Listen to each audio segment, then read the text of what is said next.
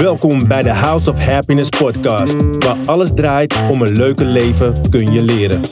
De podcast voor ieder die inspiratie wil opdoen rondom thema's zoals een gelukkig leven, mindset en persoonlijke groei. Mijn naam is Gilbert Themen, jouw host en elke maand nodig ik een gast uit die zijn of haar road to happiness komt delen.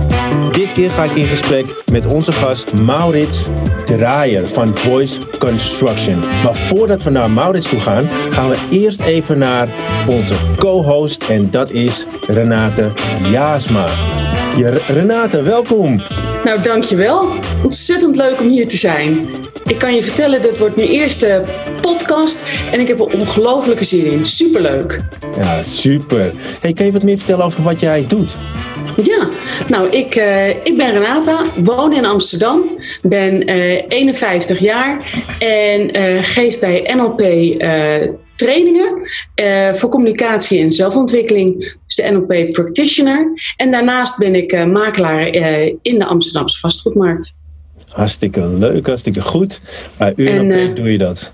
Ja, bij UNLP, ja. The House of Happiness. Ja, oké, leuk. Hey, ik ben, ik ben echt heel erg blij dat je dit uh, met me wil doen. Dus super dankbaar ook. Dus uh, top dat je er bent. En we gaan vandaag Maurits gaan we interviewen over zijn Road to Happiness. Dus dat is ook hartstikke leuk. Welkom Maurits. Dankjewel Geert. Ja, Hoi Maurits. Thanks. Hoi, Hoi Renate. Top dat je tijd uh, vrij kon maken. En ook leuk trouwens dat je kat in beeld is. ja, ik woon met twee katten, dus die lopen ja, af en toe uh, achter me langs. Ja, iedereen ja, welkom. Laat ze lekker, uh, laat ze lekker ja. door, door de camera lopen. Maakt niet uit. Hey, we gaan even terug naar Maurits. Hey Maurits, wat we altijd gaan doen in de House of Happiness podcast, is dat we stellingen gaan doen, zodat de luisteraars jou beter kan leren kennen. Ben je er klaar voor? Het is bedoeling trouwens dat je snel antwoord geeft en dat je er niet over gaat nadenken. In de startblokken. Ik zit er klaar Ja, je zit in de startblokken. Ah, dan ga ik ook even goed zitten. Kom maar op. Ja, ja ik ben... Oké. Okay. Komt-ie. Nooit meer kunnen spreken of nooit meer kunnen zien? Wat ik wil. Wat ik wil is dan nooit meer kunnen zien. Nooit meer kunnen zien. Ja. Online lesgeven of live lesgeven? Live lesgeven. Opera of pop? Oeh, nasty. Uh, opera.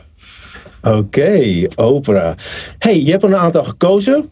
Uh, de eerste die je hebt gekozen. Ja, ik wil liever kunnen spreken dat, dat, dat uh, dan blijven zien, ja. Ja, ja, ja. en voor een muzikant of een, een, een, zanger kan ik me daar ook wel iets bij voorstellen. Heeft het daarmee te maken of nog geen eens hoor? Heel ik, denk, ik denk zeker weten dat je gevoel uh, voor mij is mijn stem alles. Dat, daar alles draait om mijn stem, om mijn stemgeluid. Uh, het werk dat ik doe is met stemmen. Uh, dus niet meer kunnen spreken, uh, zou dat verdomd lastig maken. Ja, ja precies. Gelukkig kun je het allebei, maar ja. anders zou je inderdaad voor de stem gaan. Oké, okay, mooi. Exact. Dankjewel. Ja. super. En de tweede was live lesgeven in plaats van online. Kan je wat er meer over daar vertellen? Over vertellen? Want je hebt natuurlijk voor een grote uitdaging gestaan tijdje. Exact. Ja, kijk, live lesgeven is. Uh, ik ben heel erg van het contact met mensen. Um, ik ben heel erg visueel ingesteld. Ik merk ook dat uh, nu mijn werk ook zich grotendeels online afspeelt vanwege de coronacrisis. Dat ik uh, in het begin erg moest wennen aan een soort prikkelarmoede. En waar ik daar op een gegeven moment op ingespeeld raakte. En toen ik laatst weer wat uh, klanten live ontving, ik het eerste kwartier niet wist dat ik met al die informatie aan moest. Um, het, het werken dat ik doe is heel erg met uh, mensen, met het lichaam, met stem. Um, en eigenlijk met reflexen. En zo gauw ik, ja, zo ik live contact heb, dan kan dat razendsnel gaan. dus ja, voor mij is de voorkeur altijd in de buurt te zijn van mensen waar ik mee werk. Ja, en als laatste had je opera of pop. En toen had je gekozen voor? Ja, opera. Toch? Opera, toch voor opera. Ik was deze stelling aan het maken en ik dacht van, hmm, ik ben heel erg ik had er al zo eentje verwacht. Ik, je zet echt zo'n zo killerstelling neer. Ja, het, uh, het interessante bij deze is dat um, uh, in mijn Road to Happiness pop en jazz heel erg een leidraad zijn geweest om, om te komen tot waar ik nu ben. Uh, dat zijn de tijden geweest waarin ik in mijn zoektocht ben gedoken. Um, en als ik het heb over het werk dat ik doe met stemmen, dan zijn de opera-stemmen al het meest intrigerend. Daar luistert het zo verschrikkelijk nauw wat je instelt. Dan kan een mini uh, verandering in je instelling of technische opzet kan resulteren in bij wijze van spreken 5 decibel meer of minder. waar het echt gaat over optimale efficiëntie. En ja, dat vind ik waanzinnig tof werk omdat je dat tot in het einde toe uh, gedetailleerd kunt blijven trainen. Um, dus dat is twee kanten op. Ja, het is een, uh, pop was mijn eerste liefde. Daarna uh, ben ik met opera bezig geweest. En daarna ben ik via de pop en de musical weer gekomen waar ik nu ben. En nu werk ik eigenlijk op alle vlakken. Dus ja, maar opera, ja, ja, triggert een hoop. En als je moest kiezen, werd dat dan dus opera. En het was uh, mooi om te zien, want volgens mij was dat de moeilijkste vraag nog. De ja. moeilijkste van de drie stellingen. Genoeg wel, ja. ja, ja, uh, we hebben net allemaal uh, stellingen gehad. we hebben net over de stelling gehad waarom je het hebt gekozen. En ja, er is iets met jouw stem gebeurd in, in, in het verleden. Maar voordat we dat gaan bespreken, wie is Maurits Draaien nou eigenlijk? Ja, wat uh, Maurits Draaier vooral doet op dit moment, is ik ben uh, zangdocent en stemtrainer, zou je kunnen zeggen. Um, ik heb een eigen praktijk in Den Haag. Hier zit ik op dit moment. waar ik beroepszangers train en liefhebbers in klassiek, musical, pop en jazz. verder ben ik zangdocent in Amsterdam bij Lucia Martas op de musical theater afdeling. Uh, ik werk samen met logopedisten, KNO, eh, pre- en post-operatieve stemtrainingen. Ik ben koordirigent, al ruim 20 jaar intussen. Uh, ik ben bezig met een, uh, een trainingsplan voor mensen met Parkinson. Ik heb daar nu met een aantal patiënten met Parkinson gewerkt. En uh, de methode uh, die ik heb ontwikkeld is uh, waanzinnig efficiënt voor deze doelgroep. Um, dus dat is echt het onderzoeken waard. Um, en verder geef ik stemtrainingen ook aan beroepssprekers. mensen als docenten, trainers. ik ben stemtrainer geweest bij NTI-NLP en bij UNLP op de trainerstraining Stemdag. Uh, en voor de rest ben ik nu bezig met uh, onderzoek uh, naar verklaringen voor de werkzaamheid van mijn methode in de neurologie en de neuropsychologie. Dus dat is waar ik mee bezig ben.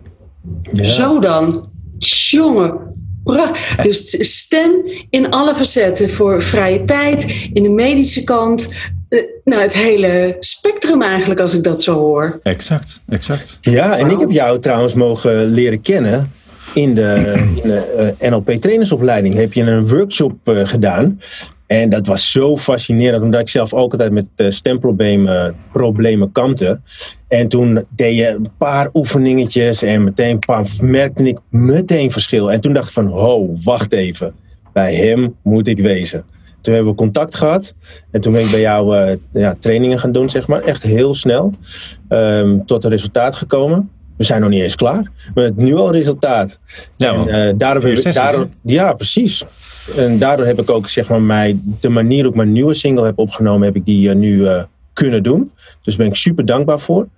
Maar ik had stemproblemen natuurlijk, maar jij had ook stemproblemen. Kun je daar wat meer over vertellen? Over toen het niet zo fijn ging met jouw stem? Want ik denk wel dat het heel belangrijk is voor sprekers, zangers, rappers. Um, zelfs wel acteurs, want die hebben ook een stem uh, nodig.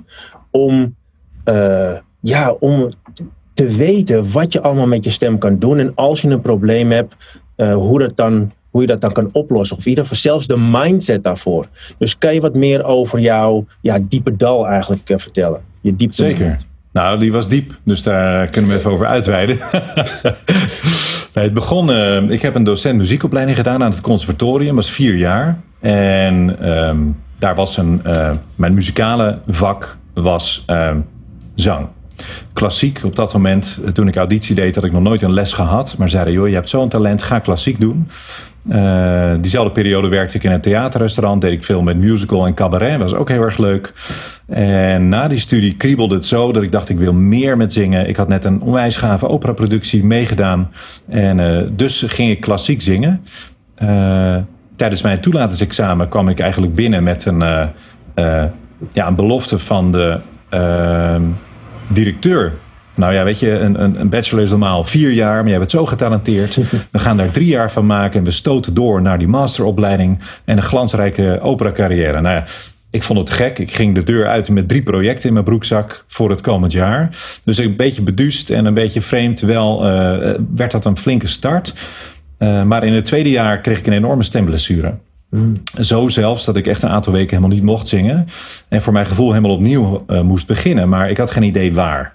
Omdat ik uh, was wat je een natuurzanger noemt. Ik kon al echt heel veel zonder dat ik ooit ervoor les had gehad. Daar ben ik ooit op aangenomen geweest.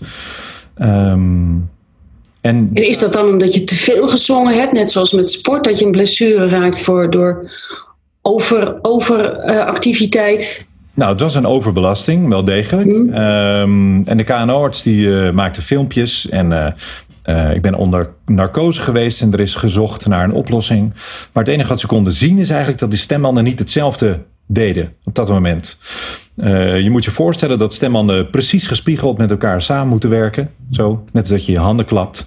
En als één hand een beetje harder klapt dan de ander, dan krijgt de ene na lange tijd belasting natuurlijk net een beetje meer uh, op zijn donder dan de ander. En dan krijg je blessures. Uh, of zoals een, een marathonloper met een, een been wat net een centimeter korter is dan kun je dat best wel compenseren met looptechniek en een zooltje. Maar als je de zes in de maand loopt, dan ga je dat toch niet redden. Dus het was uiteindelijk toch een beperkte duurbelasting. Ik had eigenlijk altijd pijn tijdens het zingen. En dat was een van de meest kenmerkende dingen van die asymmetrie. Maar daar was niet een oplossing voor. Ik heb logopedie gedaan, zangstemtherapie, vier jaar, vier, vijf jaar lang bij allerlei KNO-artsen geweest, binnen buitenland zelfs. Um, nou, uitgebreide onderzoeken, maar ja, het werd wel steeds een beetje beter. Hè. Ik kon steeds meer doen, maar in essentie veranderde het niet. Het probleem op de stembanden zelf veranderde niet. Ik heb uiteindelijk nog een, minor jazz song gedaan en ik heb een eindexamen gedaan, uh, een combinatie van klassiek en jazz. Het begon met een orkestje van twaalf man uh, bij uh, een aria van Bach. En het eindigde met een twaalfkoppige jazzcombo met uh, Sammy Kaan. Dus dat was super kicken. Ehm, maar goed, daarna ben ik alsnog helemaal voor het klassiek gegaan. En mijn carrière ging goed de lift in. ik had goede docent gevonden. Toch ging het goed. Maar ik bleef met dezelfde problemen kampen. Um, en in december van 2000 11 was ik bij mijn KNO-arts weer voor de zoveelste keer. Weer met problemen, weer met, met uh, uh, blessures. En toen zei hij, ja Maurits, eigenlijk als ik nu concludeer naar wat er aan de hand is, ben je gehandicapt. Zo moet je het maar mm. zien. Ik heb geen oplossing voor het probleem, maar ik zie wel al acht jaar lang hetzelfde patroon. Wat je hebt bereikt had ik nooit verwacht. Maar ja, ik weet ook niet waar het einde is. Uh, maar ik kan wel zeggen dat ik er geen oplossing voor heb. En als je blijft zingen, dat dit is wat je waar je mee te maken zou krijgen. Nou, ik had in ieder geval een antwoord, een soort van antwoord van dit is het. Uh, maar goed, daar was mijn brein het niet helemaal mee eens en mijn onbewust ook niet. Dus tot toen ik in maart uiteindelijk uh, mijn stukken had moeten kennen om in april uit te gaan voeren, zat er niets in mijn hoofd. Mijn systeem was er helemaal niet bij. Uh, het was eigenlijk... je, je, je, gaat dus naar, ja, oké. Okay. Je gaat naar het conservatorium. Vier jaar doen we in drie jaar. Je bent een natuurtalent. Je hebt het jezelf allemaal aangeleerd. The sky is the limit. En dan ging Maurits toen die, wat je dan dus asymmetrie noemt, mhm. onderzoek, onderzoek. En van, nou, tot hier is het en ik heb verder geen oplossing meer. Ja, ja, dat was het verhaal. Uh, wat voor mij een antwoord was, denk nou, uh, hoe langer ik doorwerk, hoe misschien beter het wordt. Uh, maar goed, ondertussen had ik al zoveel roofbouw gepleegd, dat was het einde mm. verhaal. Dus in, in maart heb ik alsnog al mijn concerten afgezegd. Ik had voor, voor bijna 11.000 euro aan werk gepland staan. Ongeveer anderhalf Want ondanks de pijn bleef je wel doorzingen? Ja. Oké, ja. ja. Ja, gewoon, uh, ja, uh, ze konden het niet horen. dus dat was het dan. Want het bleef jouw passie. Ja, een soort hardloop met een steentje in je schoen, zeg maar. Je bent er zelf aan, zou je kunnen zeggen. Maar dat, het was zo passen en meten met de belastbaarheid, die relatief klein was. Ehm, dat het uiteindelijk ook uh, naarmate het niveau hoger werd en de vraag uit het beroepsveld meer werd, was het niet meer haalbaar. Dus ik heb alsnog mijn hele carrière afgezegd. Ik heb al mijn concerten afgezegd. Ik heb gezegd, ik, ik kan dit nu niet meer doen. Ehm, en eigenlijk van de een op de andere dag heb ik mijn uh, bedrijf omgezet naar uh, meer focussen op het lesgeven wat ik al deed. Ik heb mijn koorpraktijk uitgebreid als dirigent. Ik ging van twee koren naar vier koren en een musicalvereniging. Dus binnen een jaar tijd zag mijn hele leven er anders uit. Was het uh, vooral uh, coachend en onderwijzend. Maar je had, dus, je had dus al een bedrijf? Ja, ik was al. Uh, ik had sowieso mijn werkzaamheden al gespreid over drie vlakken. Dat was zingen, lesgeven en dirigeren. Oké, zingen, lesgeven en dirigeren. Ja. En wat voor bedrijf was dat dan? Dat, wat, nou, dit, ja, dat, he, dat heette Maurits Draaier. Dat was okay. met name als, als ZZP'er in de muziek. Oké, dus je had je draai gevonden eigenlijk wel. Je had wel stemproblemen, maar je had je draai wel gevonden als ondernemer. Ja. En toen wilde je natuurlijk je probleem oplossen. Exact. Ja, nou. Maar het was er niet. Er was geen oplossing. Dus uh, ik had het daar gelaten en uh, een keuze gemaakt uh, om er even om, goed om te rouwen en in die hele periode en door te gaan. Um, ja, en na een Wat? jaar kwam er, kwam er een, een moment. Wat, wat, vertel, een moment? Ja, ja dit was een moment. Er, er, is een moment geweest waarop, er is één zin geweest van één iemand die iets tegen mij zei, waarop uh, een omslag is gemaakt bij mijn brein. Wat de reden is dat ik nu doe wat ik doe en waarom ik zit waar, waar ik zit. Uh, een jaar na mijn, uh, na het beëindigen van mijn uitvoerende carrière op dat moment, um, zong ik een concert met een bevriende dirigent. En het was allemaal Sinatra repertoire. Een beetje de classic jazz uh, standards. Nou, ik vond dat hartstikke leuk. Het was allemaal uh, laagdrempelig met een orkest. En hij schreef zijn eigen arrangementen voor dat orkest, inclusief de zangpartijen. Hij had een alternatief einde gemaakt voor I've Got You Under My Skin. En het liep weg tot een hoge bes. Nou, dat was een noot die lag ver buiten mijn bereik op dat moment. Zegt een hoge besje niks, allemaal prima. Maar voor mijn stem, bariton, is dat sowieso al knetterhoog. En uh, vanwege de stemaandoening al helemaal niet haalbaar op dat moment. Dus ik ging naar hem toe. Ik zei, Michel, alles leuk en aardig. Maar wat denk je nou van een bariton met een kreukel in die stemband? Dat wordt het toch niks? Ja, dat gaat ah, niks joh. worden. Hij zei, ah, joh, geintje, geintje, leuk. Maar ah, joh, probeer gewoon. Boom. Probeer gewoon. En ik dacht, wat heb ik te verliezen? Niks.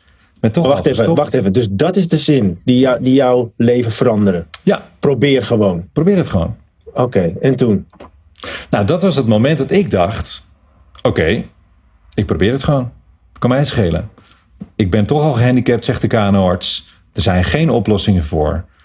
Ik heb nu niks meer te verliezen, want ik hoef er niet meer dagelijks op topniveau te presteren. Ik ga het gewoon proberen, kan mij het schelen. Dus ik thuis, in mijn studieruimte, beneden in de kelder, proberen naar die hoge noot te zingen. Maar als uitgangspunt was het, wat heeft mijn stem nou nodig om daar te komen? En het was niet bedacht, niet uit methodes, niet vooropgezet plan. Puur intuïtief. Ik ga hem proberen, kijken wat mijn lijf doet. Dus eigenlijk wat je zegt, is dat alle methodes out of the door en je bent gaan voelen, naar binnen gegaan om te kijken wat, heb me, wat heeft mijn lichaam nu nodig om die best te halen. Exact.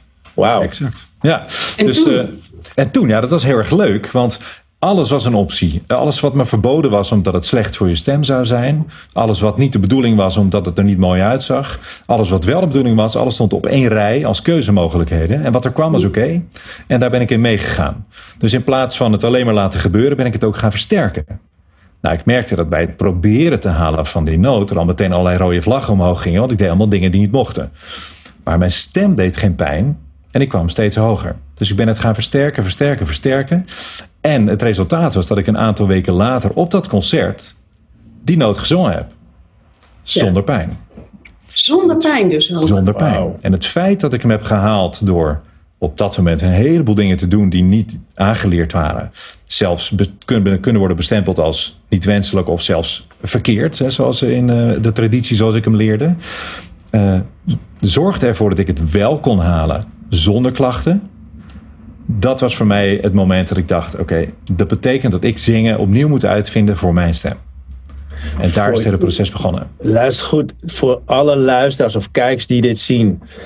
Dit is echt een heel mooi moment. Want wat hij vertelt. Want je gaat naar binnen. Vervolgens ga je luisteren naar jezelf. En dan, ga je, en dan zeg je op een gegeven moment. Wat voor mijn stem juist is. Door te gaan voelen kwam ik daarachter. En dat is denk ik wel een hele mooie boodschap wat we ook uh, aan de luisteraars mee kunnen geven. Dat je echt gaat voelen en dat je echt gaat kijken wat is voor jou belangrijk. Niet alleen voor je stem, maar ook voor je leven en, nog meer. Mooi. En, en, en toen? Ja, toen is het, uh, het onderzoek begonnen. Uh, uh, ik ben met name in de popmuziek gedoken. Want veel popsongs uh, zijn hoog als je de tenor uh, popsongs bekijkt. En het was een. Ik heb me eigenlijk stuk gewerkt in klassiek. Dus dat was een, een veld waar ik niet zo goed in terecht kon op dat moment. pop en musical lag me ook na het hart. Dus ik ben lekker daarmee in de slag gegaan. En ja, gaandeweg ontdekte ik steeds beter wat ik kon doen om mijn stem meer te laten functioneren zonder klachten. En dan kwam een heel aantal principes uit, een vaste uh, werkwijze, een methode, zou je kunnen zeggen. Maar die principes die werkten voor mij en op een gegeven moment was ik daar heel blij mee. Maar het bleek iedere keer dat ik ze toetste aan de praktijk, in mijn eigen praktijk één op één, bij de koren, bij de musicalvereniging. En ik, af en toe gooide ik eens een van die nieuwe ontdekkingen uh, over om te laten proberen. Leverde dat hetzelfde winst op als bij mij. En na verloop van tijd werd heel duidelijk dat het helemaal niet ging over mijn stemprobleem, wat ik aan het compenseren was. Ik was heel efficiënt aan het werk met menselijk gedrag. Eigenlijk mm. middels reflexen. En toen me dat duidelijk werd, werd ook echt duidelijk dat het uh, veel verder gaat dan alleen maar iets wat voor mij werkte. Ja, dus het werkte niet alleen voor jou, het werkte dus ook voor anderen, als ik het goed begrijp. Exact, ja. Ja, wauw ik ben nog even nieuwsgierig. Ja, want ik vind, het is echt zo, ik zit ademloos te luisteren. en, inderdaad, en toen en toen. Je denkt, ja. ja. en dan. En ik kan je helemaal volgen. Deze een stukje waarvan ik denk van, hé, hey, uh, je, je hoorde vanuit het conservatorium ergens op een bepaald moment dat die arts zei van, nou, dit kan niet verder. Je, je, hij kon niks eh, verder voor je doen. En jij zei van ja, ik had wel een, een, een uitgeput lichaam, een uitgeputte stem, omdat je zoveel had gedaan. En ergens noemde je het woord dat je uh, burn-out had. Hè? Ja. Een, een burn-out. En vervolgens hoor ik allemaal een soort enthousiasme dat je gaat zoeken naar nieuwe manieren. Maar dat stukje burn-out, hoe heb jij dat ervaren en hoe ben je daar dan weer uitgekomen? Nou, dat is, een, dat is best een heel lang traject geweest. Want um, ja, als ZZP'er in de muziek uh, had ik niet heel veel kans om uh, daar eens even een halfjaartje rust te nemen en te gaan uh, nadenken over wat ik nou verder wilde met mijn leven. Het was gewoon doorbeulen en zorgen dat kachel blijft branden. Even heel plat gezegd, maar ja, het moest wel door. En tegelijkertijd was het feit dat ik niet elke keer tot mijn maximale stresslevels hoefde te werken. En nog steeds kon werken met muziek, met de mensen die ik, uh, waar ik graag mee werkte, op mijn andere werkveld. Uh, maakte ook wel dat dat een heel groot deel van mijn herstelproces is geweest. Ik denk als ik vier maanden thuis was gaan zitten, dat ik er veel langer over had gedaan om weer uh, terug te komen. Dus voor mij was blijven werken met een ander deel van dezelfde passie wel een groot deel van de oplossing. Dus ik, ik heb losgelaten dat ik me helemaal ging storten op het zingen. Uh, dat het functioneel daar niet voor gemaakt was, was voor mij eigenlijk de conclusie. Uh, uiteindelijk heel pijnlijk na negen jaar keihard investeren. Hè? Ik bedoel, uh, laten we daar duidelijk over zijn. En het heeft best een paar jaar geduurd voordat dat een beetje echt een plek gevonden heeft. Ehm, maar tegelijkertijd die nieuwsgierigheid naar wat, lukt, wat kan het dan wel? Weet je, eigenlijk aan de, aan de kant van de oorzaak gaan staan en kijken van wat kan ik hier nou nog mee? Eh, hoe maak ik dit beter? Was dat ook hetgeen wat jou er doorheen heb, heeft gesleept? Ja, denk ik. Oké, en hoe heb, je, hoe heb je dat dan gedaan? Want het lijkt me best wel interessant voor mensen om dat te weten. Als je gewoon echt van, ja, het is pijnlijk. En dan toch over die pijn heen kunnen gaan door je te focussen op iets positiefs. Precies wat je zegt. Het is en-en. Uh, het eerste jaar dat uh, mijn vrouw is uh, klassiek zangeres. Dus er waren twee zangers in een relatie. En op het moment dat ik niet meer kon zingen, kon ik ook een jaar lang niet naar concerten. Ik kon niet in de buurt zijn van mijn oud-collega's. kon geen muziek horen, maar wel popmuziek. Dus, en ik kon wel mensen lesgeven. Je kon dat niet horen omdat je dat gewoon mentaal niet aankon? Nee. Nee, ja, precies. Ja. Dus dat was, uh, dat was uh, best pittig. En pas na, ik denk anderhalf, twee jaar kon ik daar een beetje rust in vinden om ook weer eens een keer een hele voorstelling uh, te gaan bekijken, een hele operavoorstelling. Uh, dus ja, ik heb mazzel gehad van het feit dat het werk zich niet alleen maar op uh, inhoudelijk één vak heeft, kant van het vak heeft afgespeeld. ook de koren waren met name pop en musical en dat was ja, mijn andere liefde. Dus ik kon daar op zich prima mijn ei kwijt. En het werken met mensen heeft me daar echt echt wel in doorheen gesleept. En het willen weten en steeds tot nieuwe ontdekkingen komen, maakte me, hield me toch enthousiast. Ja, dat, dat is toch het niet gaan kan. Ja, dat is ook een mooie, toch Renate? Ja, het is ongelooflijk, want ik zit ook te denken van die arts die zegt tegen jou van, ja maar het, ja, ik kan er niks anders van maken, eigenlijk ben je gehandicapt. En ik vraag me af, ik weet het antwoord allemaal goed, voel jij je nu nog gehandicapt? Heb je ooit gehandicapt gevoeld? Nee, nee, ik heb me nooit gehandicapt gevoeld, maar het was wel een mooie, uh, mooie vergelijking die hij trok. Hij zei: Eigenlijk ben je. Want uh, het is nu eenmaal een gegeven feit dat het niet in balans is. En dat heb je nodig om te doen wat je wil doen. Um, ik ben nog wel eens benieuwd naar hoe het zou zijn als het wel helemaal in balans zou zijn. Ja. Uh, want ja, het, uh, het punt is, van, vanaf dat moment uh, heb ik ontdekt dat het voor mij beter kon, dat ik andere dingen kon doen, dat het heel toetsbaar was aan de praktijk, dat niet alleen ik reageerde, maar iedereen om mij heen op dezelfde manier. Dus het ging niet meer over mijn stem, maar het ging nu over aansturing en gedrag. ik was weer terug bij die KNO-arts twee jaar later. Ja. En voor een concert met diezelfde dirigent overigens. Maar ik had een hoestbui gehad uh, de dag ervoor. Ik was een, uh, een, beetje verkouden geweest de week ervoor. En het was allemaal net niet helemaal lekker. Ik zeg, joh, ik wil toch even kijken voordat ik dat concert ga zingen of het allemaal in orde is. Het voelt allemaal een beetje gekkig. En je, ging je, je had niet zoiets, ik ga nooit meer naar die KNO Awards toe. Nee, nee oké. Okay, ja. Mij, nee, die heeft mij goed. Oh, nee, nee, toevallig met hem niet. Nee. nee. Nee, maar ik heb, uh, hij heeft me ook in, in de afwikkeling van, een, van iets anders uh, waanzinnig bijgestaan. En ook voor, op een ander vlak echt heel erg gecoacht. Dus het was een heel fijne, ja. fijne verstandhouding, ondanks naar nieuws. Ja. Um, maar ik was bij hem terug van, ja, ik zei, wil toch nog eventjes laten checken of ik nu niet iets gesloopt heb de laatste periode met het hoesten. Of dat er een blessure is, weet ik wat. Nou, hij maakte een filmpje en hij springt op geeft een zwiep aan de monitor en roept: Je stembanden zijn normaal. Doe normaal. Doe normaal. Ja, dat, dat, dat zei hij. Dus ja. doe normaal. Wow, oké, okay, cool. Ik had al zo'n idee dat het beter werkte. Maar ja, oké, okay, dat, dat nou, bevestigt wel wat ik dan voel. Nou, zo zie je maar, tijd heelt alles. En uh, ik zei, nou, tijd, het is, is, niet tijd, uh, maat. Dus we hebben gesproken, we hebben uitgelegd en... Uh, uh, ja, er is uiteindelijk ook uh, na een presentatie uh, een samenwerking ontstaan met ook het logopedie-team uit het ziekenhuis. Ja. En, um, en heb, je, heb, je toen, heb je toen tegen hem gezegd of aan hem verteld wat je toen hebt gedaan om tot ja. het resultaat te, te komen? Ja, ja. Wat zei dus ik heb uitge... het, snap, het begreep hij niet helemaal. Dus het mooie is, uh, met name in de manier waarop uh, uh, mijn methode werkt, is vanuit een heel andere prikkel dan vanuit de natuurlijke, nee, dat moet ik anders zeggen, de gangbare klassieke methode. Ehm, Want dit is juist natuurlijk hoe jij het doet. Exact. Dus wat ik ben ja. gaan doen is kijken ja, van hoe, hoe, krijg je nou iets cadeau uit het lijf? En hoe verder ik kwam, hoe meer ik eigenlijk achter systemen kwam, ehm, echt triggers. Uh, kan, je, kan je er eens eentje noemen ja, of zo? Wat nou, als voorbeeld, je hebt de inademen en de uitadembeweging. Dat doen we de hele dag, inademen, uitademen. Maar die zitten aan een reflex vast. Ja, leuk is al. Dit is ook leuk voor de kijkers zometeen, want dit ziet er echt geniaal uit. Mijn eigen ademhaling, nou, dan mag je straks gewoon even je gewoon lekker blijven zitten zoals je nu doet. En mag je straks op drie, doe allemaal lekker even mee thuis, superleuk.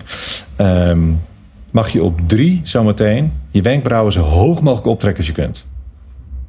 Ja, snap je hem? Ja. Komt hij op drie. 1, 2, 3. Oké, nou, wat is er gebeurd met je ademhaling?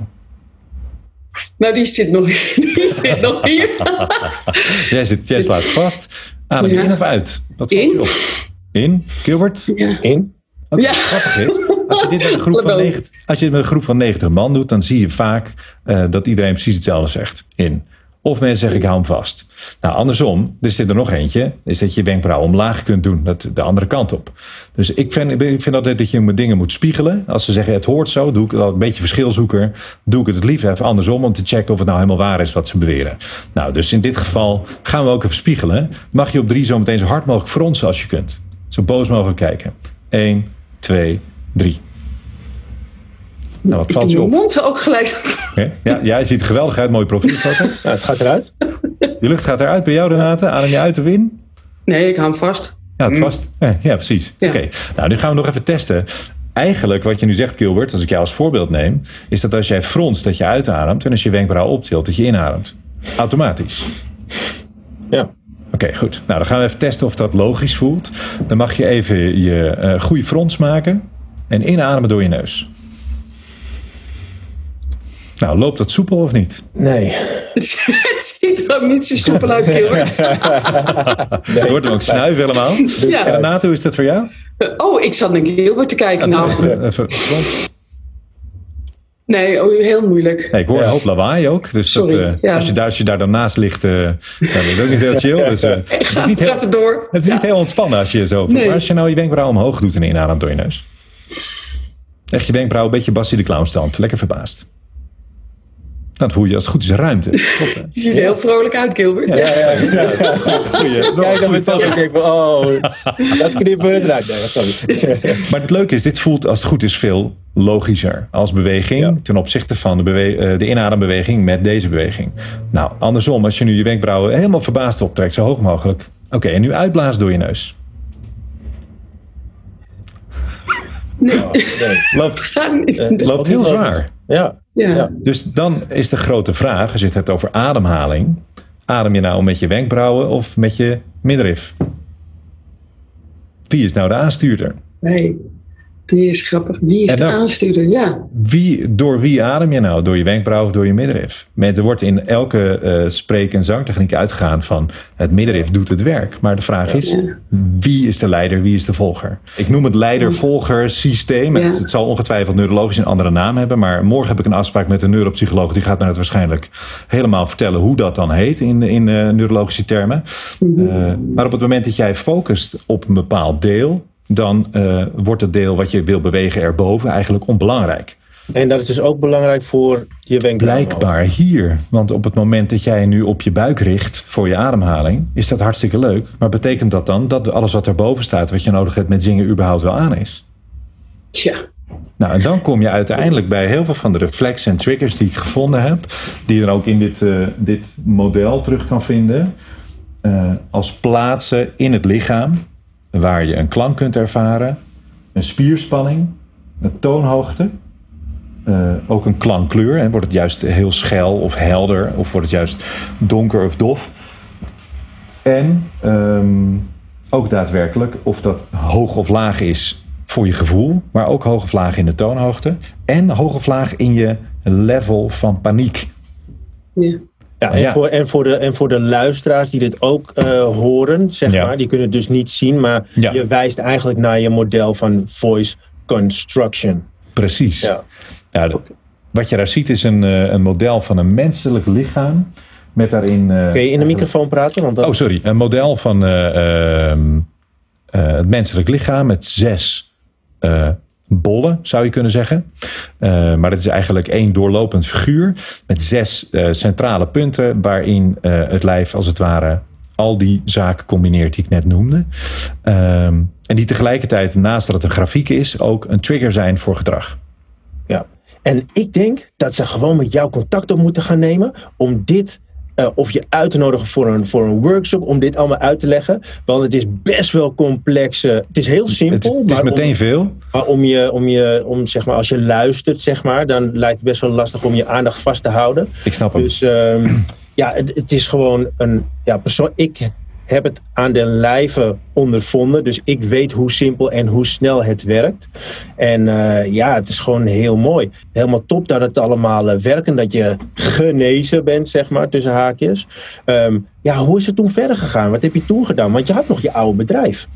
Dus wat, wat eh, toen. Precies. Nou, ik ben doorgegaan met het werk wat ik deed. Dat was eh, 2015 ongeveer. En in 2017 ben ik dit eh, helemaal gaan uitwerken, dit model, met een grafisch ontwerper. Omdat het eigenlijk sinds 2015 niet meer was veranderd. Eh, met andere woorden, door het steeds te blijven toetsen aan de praktijk, eh, schoof het in het begin een beetje en ik kreeg nieuwe informatie.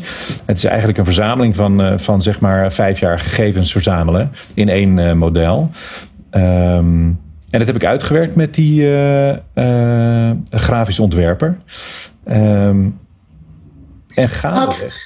Je had niet, want dat, dat is zo dat je in de reden van, maar inderdaad, je, je stembanden die zijn weer eh, symmetrisch. Je zou kunnen oppakken waar je gebleven was, of gebleven was, hè, maar hè, eh, ja, Maar toch. Want ik zit even te kijken. Nee. Dus eigenlijk wat je zo zegt, goh, als het beter geworden was, had je dan weer teruggegaan. Nou, dat is bij jou nu gebeurd. Dat je zegt, jemig, ik heb dit allemaal meegemaakt. Uh, wat heeft dat jou opgeleverd? Want je zegt dus niet van, ik, ga, ik moet ook denken aan de keuze van de, de stelling aan het begin. Je zegt, hé, hey, opera. Ja.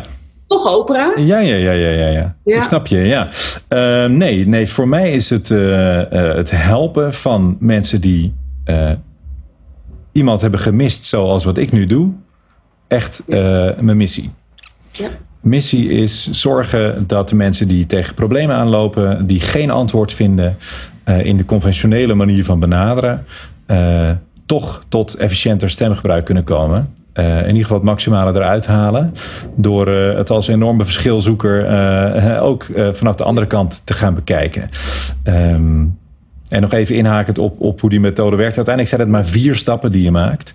Heel eenvoudig herhalen. Um, waarmee je allemaal triggers en reflexen pakt die je niet, in het begin niet eens begrijpt. Uh, mensen die het ondergaan, uh, die geef ik altijd aan dat ze niet weten waarom het eruit komt, maar wel dat het gebeurt. En dan kun je dat anatomisch onderbouwen, is allemaal niet belangrijk. Maar. Dus het is, het is echt kinderlijk eenvoudig toepasbaar. Uh, nou, je hebt het ervaren, ja. Het is goed focussen, maar het, is, het zijn simpele stappen.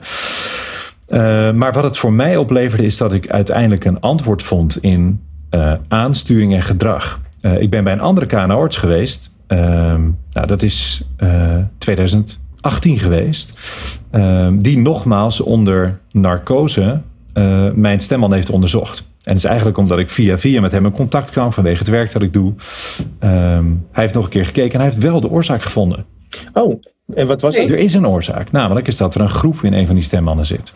Dus niet wat je altijd in het nieuws hoort, een knobbel. Maar bij mijn geval zit er een groef in die stembanden. Een sulcus noemen ze dat.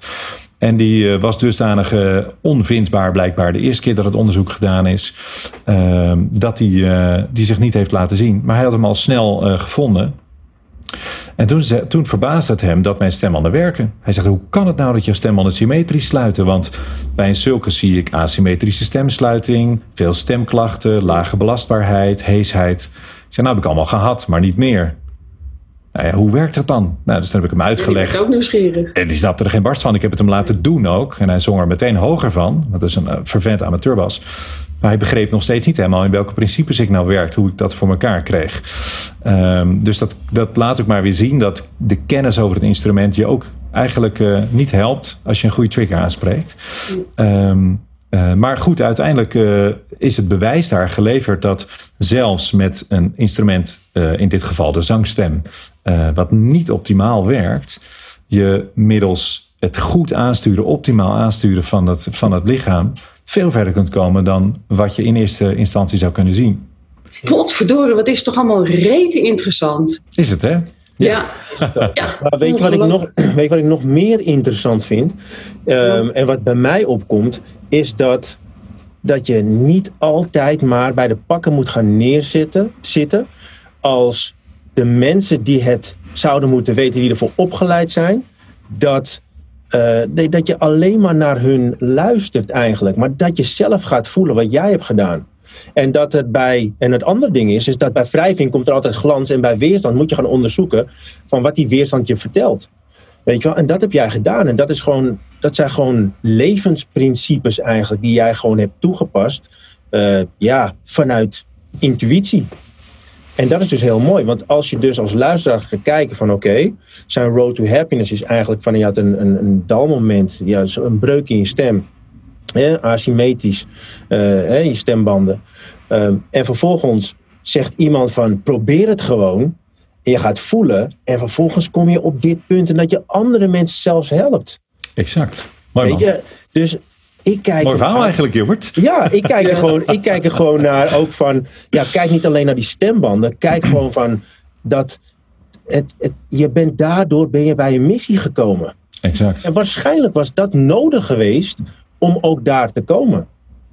Waarschijnlijk. Zeker weten. Dus op terugkomend op jouw vraag, Renate, voel jij je nou gehandicapt? Uh, uh, nee, zeker niet. Maar ik kan wel zeggen, dankzij het feit dat mijn stembanden niet helemaal samenwerkten, vanwege een wel aantoonbaar probleem, uh, doe ik wat ik doe. Ja. Ik had dit never nooit geweten als dit gewoon normaal had gewerkt. Nee, en die vraag die brandt op me dat je denkt, hè, mag je die stellen of niet? Van, uh, maar zo van, je, je weet waar je nu bent. Misschien was je anders een erg groot zanger. En dat je denkt van, had je dit, ik ga hem stellen, had je dit willen missen? Nee. Nee, het is toch Nee, je had het niet willen ja, missen. Nee, nee, dit is nee. veel te gaaf. Dus dit had je nooit ontdekt. Dit ja. had ik nooit ontdekt. En dat, ik had er misschien uiteindelijk wel naar gaan zoeken. Maar dan had ik er misschien over 30 jaar gekomen. Of Hm. via andere wegen. Of, Ja. eh, of misschien niet. Eh, ik geen idee. Eh, ik, ik, ik ken het niet anders dan, dan dat het niet helemaal werkt. Ja. En dat eigenlijk... Ook als je misschien zelf niet meer kon zingen, want dan had je dit, Ja. had je ook wel dit ontwikkeld. Ja, wie weet. Eh, wie weet had ik dan wel alsnog meer naar de medische kant gedraaid. En gewoon om dingen te Ja. willen weten. Maar het, eh, het feit dat ik het steeds kon testen. En dat daar gewoon antwoorden kwamen. Heel simpel. Ja, betekent ook dat ik nu met mensen die worden doorverwezen met een stemprobleem. Of mensen die in trainingen zitten. eh, veel moeten spreken, hees worden. Eh, of snel vermoeid. Of ehm, die moeite hebben met, eh, met de juiste toon treffen, intonatie vinden. Onwijs snel kan helpen, want ik heb het allemaal gedaan. Ik heb het allemaal Ja. gedaan. Het is gewoon heerlijk om je eigen lijf en je eigen verleden als referentiekader te hebben. Ja.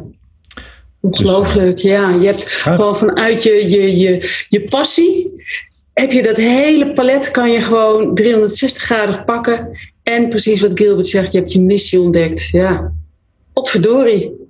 Klopt. Ja, echt heel mooi. Als je nu gaat, gaat kijken naar, naar jouw hele weg, hè? want je helpt nu ook andere mensen, je hebt jezelf geholpen. Hoe ziet jouw toekomst er nu uit? Wat, wat, wat ga je eh, nu doen? En ehm, nou, laten we dat eerst eventjes eh, behandelen. Nou, bedrijfsmatig wil ik ehm, eh, dit groter maken. Want ik ben ervan overtuigd dat de training die dit heeft eh, doen ontstaan, zou ik kunnen zeggen. Of de training die is ontwikkeld daardoor. is een training eigenlijk van een jaar. Een jaar lang om eh, vanuit het natuurlijke gedrag, wat bij zingen vaak helemaal niet eh, ondersteunend is, of zelfs ronduit tegenwerkt, een balans te creëren vanuit aansturing en spiergedrag, waarmee je na een jaar tijd eigenlijk alles kunt doen wat je wilt, omdat jij balans hebt gecreëerd. Dat is gewoon een nieuwe, een nieuwe eh, reflex geworden.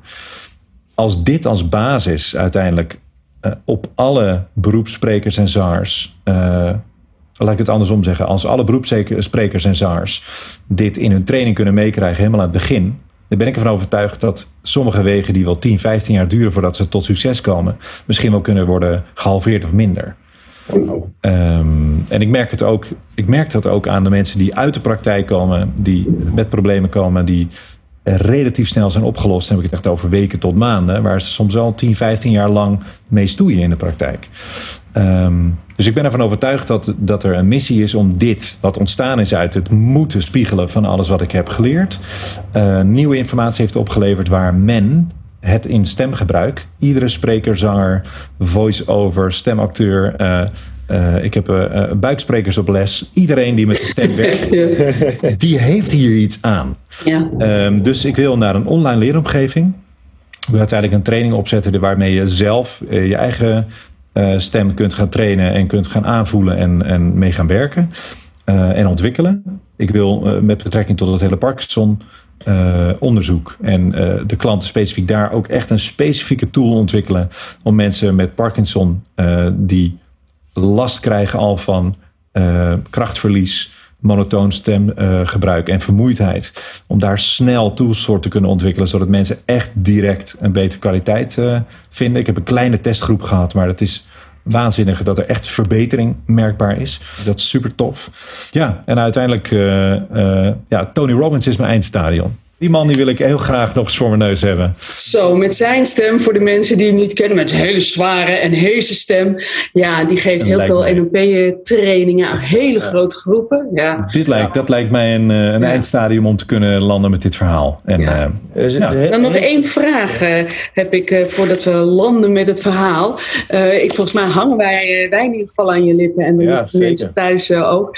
Maar wat, misschien een inkoppertje, maar wat zou je willen zeggen tegen mensen die tegen een probleem, wat voor probleem dan ook aanlopen, waarvan ze denken, jeetje, nu, nu ligt alles in dichtla, welke kant moet ik op? Wat zou je willen zeggen? Tegen, wacht, en de aanvulling? sprekers, zangers, de hele... Iedereen, maakt niet uit. Ja. Ja, dat is ehm, eh, als het gaat over je kijk op je probleem. Doe het dus precies andersom. Doe het dus precies andersom en kijk wat eruit komt. En als het zo hoort, doe het eens lekker niet zo. En als ze zeggen dat het schadelijk voor je is, check of dat zo is. En als iedereen roept dat dat niet mag, doe het juist Doe wel. het. Doe het. Ik ga er vanmiddag gelijk mee beginnen. Je wordt gelijk getriggerd. Ja, geweldig. Renata, ook eh, nog iets? Ik, ben, eh, ik eh, denk dat we nog wel uren zouden kunnen praten. Ja, maar voor nu vind ik het echt fantastisch. En ik ben super blij dat, dat, dat Maurits mijn eerste eh, iPod-gast is. iPod? Ook leuk om God, hoe kun je vragen hoe oud ik ben? Ja, dank u. Ja. Voor iets met podcast. Ja, nee, super gaaf. Ja, dankjewel, dankjewel. Maurits. En jij natuurlijk ook ontzettend dank, Gilbert. Ja. Ja, jij in ieder geval ook bedankt eh, dat je mijn co-host wil zijn en dat je wil aanvullen daar waar nodig. En eh, Maurits, bedankt voor je energie, je inzet en voor al je waardevolle tips en je road to happiness. Wij hopen dat je hebt genoten en dat jij uit dit gesprek jouw leermoment hebt weten te halen. Voel je vrij om een review of een reactie achter te laten, zodat je ons helpt deze podcast te laten groeien. In onze show notes vind je nog meer informatie over onze gast en mogelijk nog meer. Wil je jouw geluksverhaal met ons delen? Stuur dan een mail naar redactie at houseofhappiness.nl Happiness met twee sets aan het eind en wie weet ben jij onze volgende gast.